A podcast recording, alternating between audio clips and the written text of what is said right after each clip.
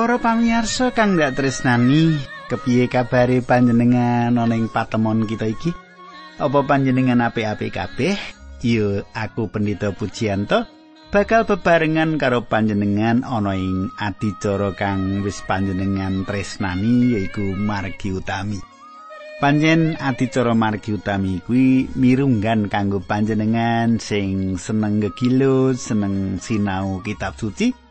Awit kanthi mengkono panjenengan diilingke, panjenengan dikuwatake, panjenengan dilipur menawa ing urip iki nandang perkara-perkara kang ora panjenengan kersakake. Nah katangku ayo nyerak ing kene lungguh cerak karo aku dicethake ing radio supaya apa-apa kang ndak aturake marang panjenengan migunani kanggo urip kaimanan panjenengan. Sugeng midhangetake ati cara iki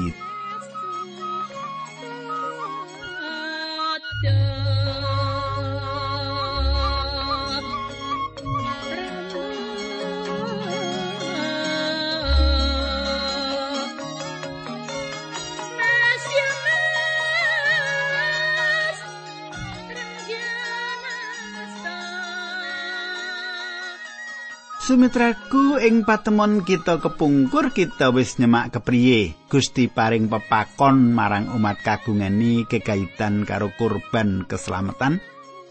Banjur kepiye sebanjure panjenengan saiki tak derekake nyemak sak teruse nanging sak durunge kuwi monggo kita ndedonga dhisik.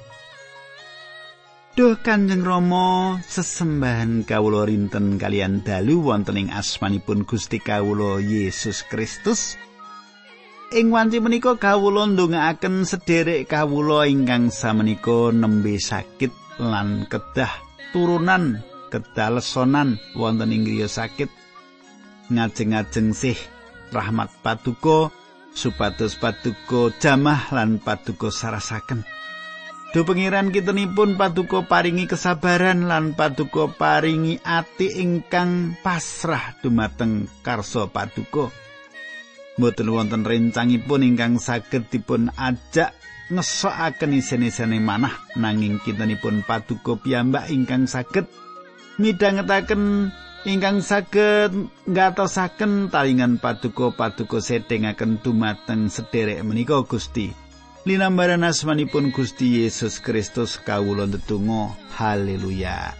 Amin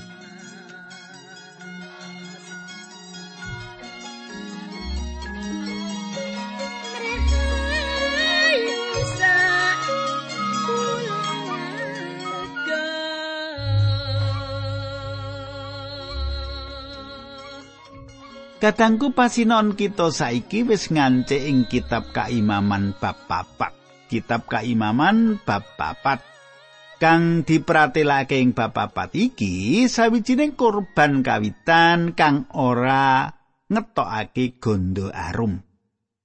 Telung kurban kang ngasilake gondo kang arum meratelake pribadi Sang Kristus ing sajroning kabeh watek wantune kang luhur.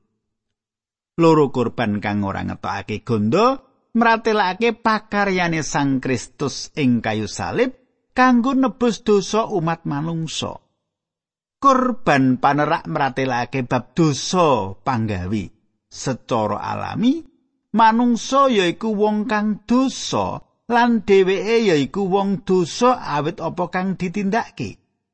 Dheweke manungsa mau nindakake apa kang dosa awet dheweke iku wong kang dosa wiwit lair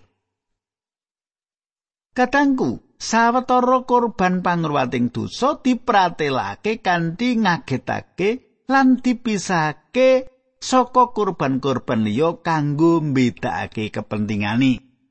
Angka siji Korban pangruwating dosa, sawijining tulisan kang paling dawa saka sesausan, awet isine lipet kaping pindho luwih dawa tinimbang papat kang liyane.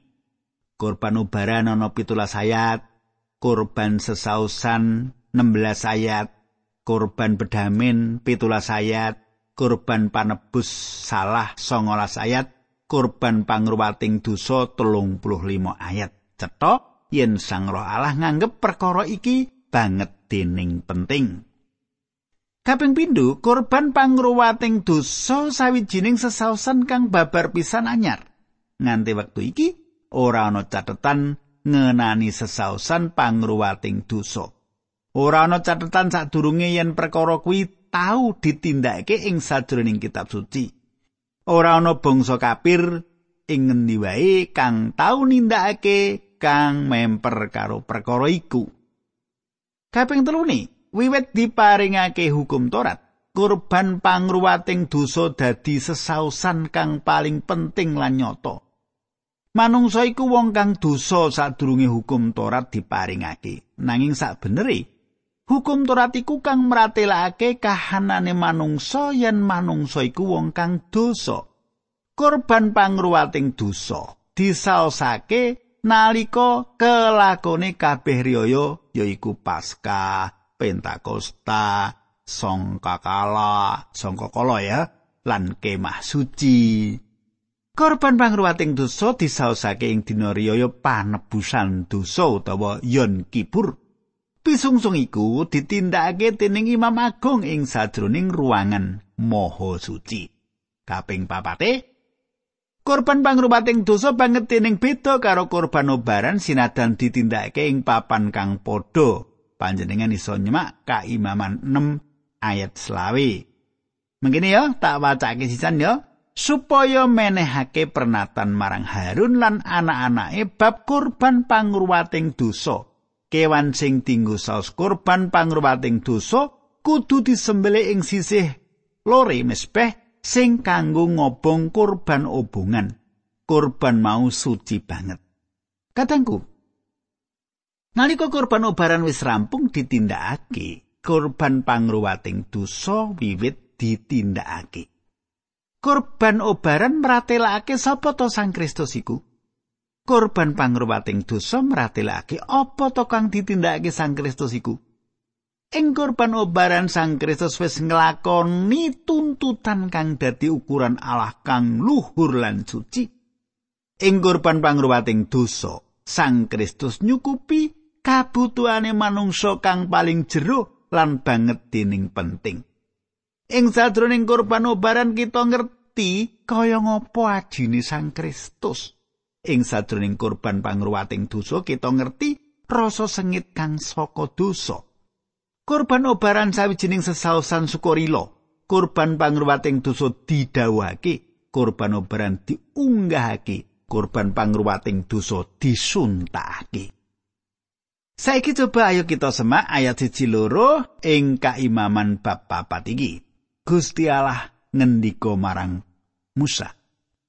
Dawono marang umat Israel menawa ana wong sing ora kejarak nerak wewalari Allah kudu nyaosake kurban pangruwating dosa sing dipernata mengkini. Adangku, kang dianggep penting ing kene yaiku ing dosa kang ditindakake tanpa kasengaja. Ana pangandikan mau digendikake ora kejarak. Ora kejarak nglakoni dosa. Mula sesaosan kuwi ora ana gunane Ibrani 10 ayat 9 nganti 28. Ngene surasane. Sebab semasa pawartane Gusti Allah wis kaparingake marang kita mongko kita padha jarak gawe dosa, kuwi kurban apa wae wis ora bisa mirat dosa mau. Kejaba mung kari saperkara ya kuwi ngenteni tekane pengadilan lan geni gegirisi sing bakal nyirnakake wong-wong sing padha nglawan marang Gusti Allah. Sing sapa ora manut karo angger-anggering torete Nabi Musa, kaukum pati tanpa pangapura. Semono mau yen kaluputani saka paseksine wong loro utawa telu. Kadangku pangandikan iki kegayutan karo kasunyatan yen ora ana keselamatan kanggo wong kang kanthi jarak nampik Gusti Yesus Kristus. Kadangku secara alami, secara alami, panjenengan lan aku iki wong kang dosa. Secara alami iki secara lahir, wiwit lahir, panjenengan lan aku iki wong kang dosa. yaiku apa sebabe kita tumindak dosa? Awet yo marga dosa iku. Kita tumindak dosa. Sikepe Gusti Allah marang dosa ora ewah gingsir. Kita nindakake perkara-perkara kang lelawanan karo hukumi Allah awit ora bakal kanggone manungsa kang dosa iki nindakake apa kang bisa dadi keparengi Gusti Allah. Manungsa kan pancen wis dosa ora duwe kekuatan kanggo nindakake apa kang dadi keparengi Gusti Allah. Manungsa kuwi wis dosa wiwit lahir. Sapa wae sing jenenge manungsa kuwi dosa. korban kanggo pangruwating dosa meratelake bab salah kang jero banget kegayutan bab dosa iki. Kadangku panjenengan sama apa kang dipratelake dening Jabur 139 ayat 23 nganti 24. Jabur 139 ayat 23 nganti 24. Duh Allah, kawula mugi paduka titi preksa, paduka pirsani kawontenanipun ing saknyatanipun, kawula mugi paduka uji saha sapangangen kawula mugi paduka ningani mugi paduka preksa menapa lampah kawula nyleweng nunten paduka tuntun ing margi ingkang langgeng. Katang kula. Selaras karo pangandikan iki ateges kita kudu sowan marang Gusti awet rasa luput kang kita rasakake. Ing jaman saiki, akeh wong kang nandang sengsara awit rasa luput lan tundone lunga menyang dokter jiwa. yen panjenengan kagungan masalah lan panjenengan krasa ora jenjem awet rasa luput kang panjenengan tindakake. Kenapa panjenengan ora sowan marang Gusti lan donga paduka teliti kula? Inggih Gusti. Paduka pirsani manah kula. Paduka uji kula. Paduka pirsanana menapa kula wonten ing margining ingkang awon ing salebeting gesang kula? Katangku, Masalah kita yaiku awit kita iki wong dosa wiwit lahir. Dadi panjenengan kudu sowan marang Allah lan panjenengan matur perkara menika dumateng panjenenganipun. Dosa kang ora disengaja sawijining patrap kang ditindakake nalika iku dheweke ora ngerti yang patrap mau dosa. Dosa kang ora kejarak sawijining patrap kang ditindakake nalika wong iku ora ngerti nek patrap mengkono iku dosa. Priyayi kang nulis kitab Jabur ing Jabur 1913 meratelake mengkene, sinten ingkang saged nyumerapi kalepatan ingkang dipun lampahi? Mugi kersa nglebur kalepatan kawula ingkang boten kawula jarak. Kadangku kaya ngapa perlune kita ngakoni marang Allah yen kita iki manungsa kang kebak dosa. Menawa panjenengan ora bisa mikirake dosa kang mligi kanggo dilakoni, mula panjenengan ngakoni yen panjenengan kuwi wong kang dosa. Kadangku ana kumpulan wong kang nglumpuk ing wektu kang ditemtokake. Wong-wong mau ndedonga lan salah siji kang mimpin donga mau tansah ndedonga Gusti. Menawi kawula sami sampun nindakaken sawijining dosa paduka apunten. Nah, Wong-wong liya kang ngrungokake donga iki dadi bosen, banjur salah siji saka wong-wong mau kondo. Kenapa panjenengan ora kondo dosa apa mengkono? Wong iku menehi mangsulan. Yo aku ora ngerti dosaku kuwi apa. Lan panjenengan ngerti, yen jawabane wong iku sanyatane bener, kita kala-kala ora ngerti. Dosa apa kang wis kita tindakake, ya toh? Nanging temtu wae kita tetep perlu ngakoni dosa-dosa kita ing ngarsane Gusti Allah. kadangku. Menawa ana wong dosa awit anggone ora ngerti, sembrono utawa ora kasengaja, ora kejarak. Allah nyawisake dalan kanggo supaya uwal. Awit saka iku ing wilangan 35 ayat 11 nulis Gusti ngedekake kutha-kutha kanggo pangungsen wong-wong kang nindakake patrap ala kang ora kejarak utawa kasengaja. Gusti Allah duwe papan kanggo pangungsen uga. panjenengane kagungan dikaya obat kanggo panjenengan coba panjenengan semak siji Yohanes loro ayat siji anak-anakku nggonku kirim layang marang kowe iki supaya kowe aja padha gawe dosa ewadene menawa ana sing gawe dosa kita padha duwe pantoro ana ing ngarsane Sang Rama ya kuwi Gusti Yesus Kristus kang adil panjenengane sing bela perkara kita ana ing ngarsane Sang Rama Kadangku Paulus nyetakake alesani kenapa dhewe nyebut awake dhewe yen dhewe kuwi kepala wong dosa lan kenapa dheweke nampani sih kawelasan. Paulus kalebu wong kang ngipati-pati lan dadi tukang dakwa lan wong kang seneng tumindak sawenang-wenang. Nanging dheweke nampani sih kawelasan awit Paulus nalika nindakake iku kanthi ora sengaja. Kanthi ora jarak ya awit anggone ora percaya. Sebanjure Paulus nulis sing siji Timotius siji ayat 14 nganti 15 mengkene surat sani. Ewa semono Gusti maringake sih rahmate nganti luber-luber marang aku, sarta aku diparingi pracaya lan katresnan sing saiki padha kita duweni merga nggon kita katunggalake karo Gusti Yesus Kristus.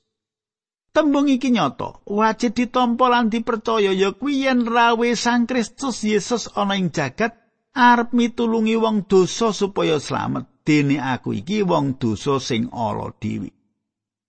Kadangku ana korban pangruwating dosa. Sang Kristus sedo kanggo aku.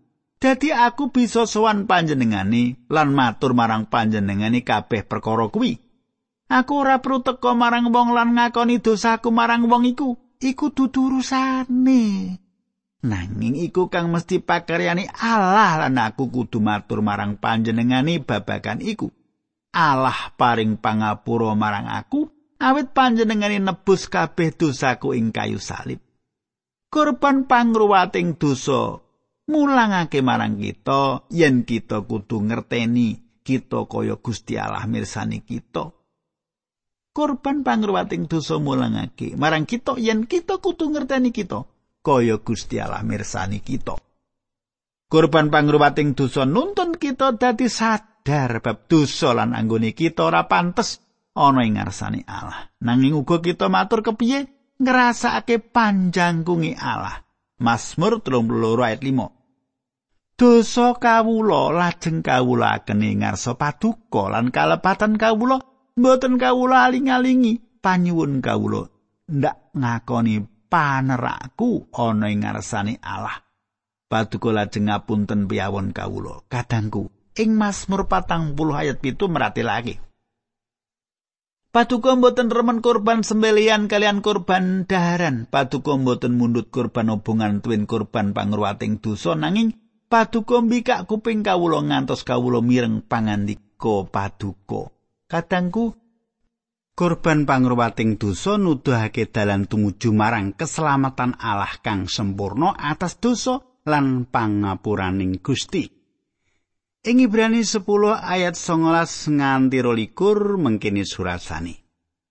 Merga saka kuwi para sedulur lantaran sedane Gusti Yesus kita bisa bebas mlebing sasana maha suci mau. Tumrap kita Gusti Yesus wis mbikak dalaning urip kang anyar ngliwati geber ya kuwi sarirane piyambak. Saiki kita padha duwe imam agung sing ngepalani pedalamane Gusti Allah. Mulane ayo kita padha suwan ing ngarsane Allah kelawan ati kang ikhlas lan pracaya sing mantep, kelawan ati sing wis tanpa keluputan lan kelawan badan sing wis diresiki nganggo banyu sing resik.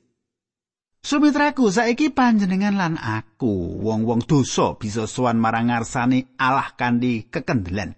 Apa sebabe? Awit Gusti Yesus iku korban pangruwating dosa kita malah kanggo dosa-dosa kang ditindakake kang ora kejarak.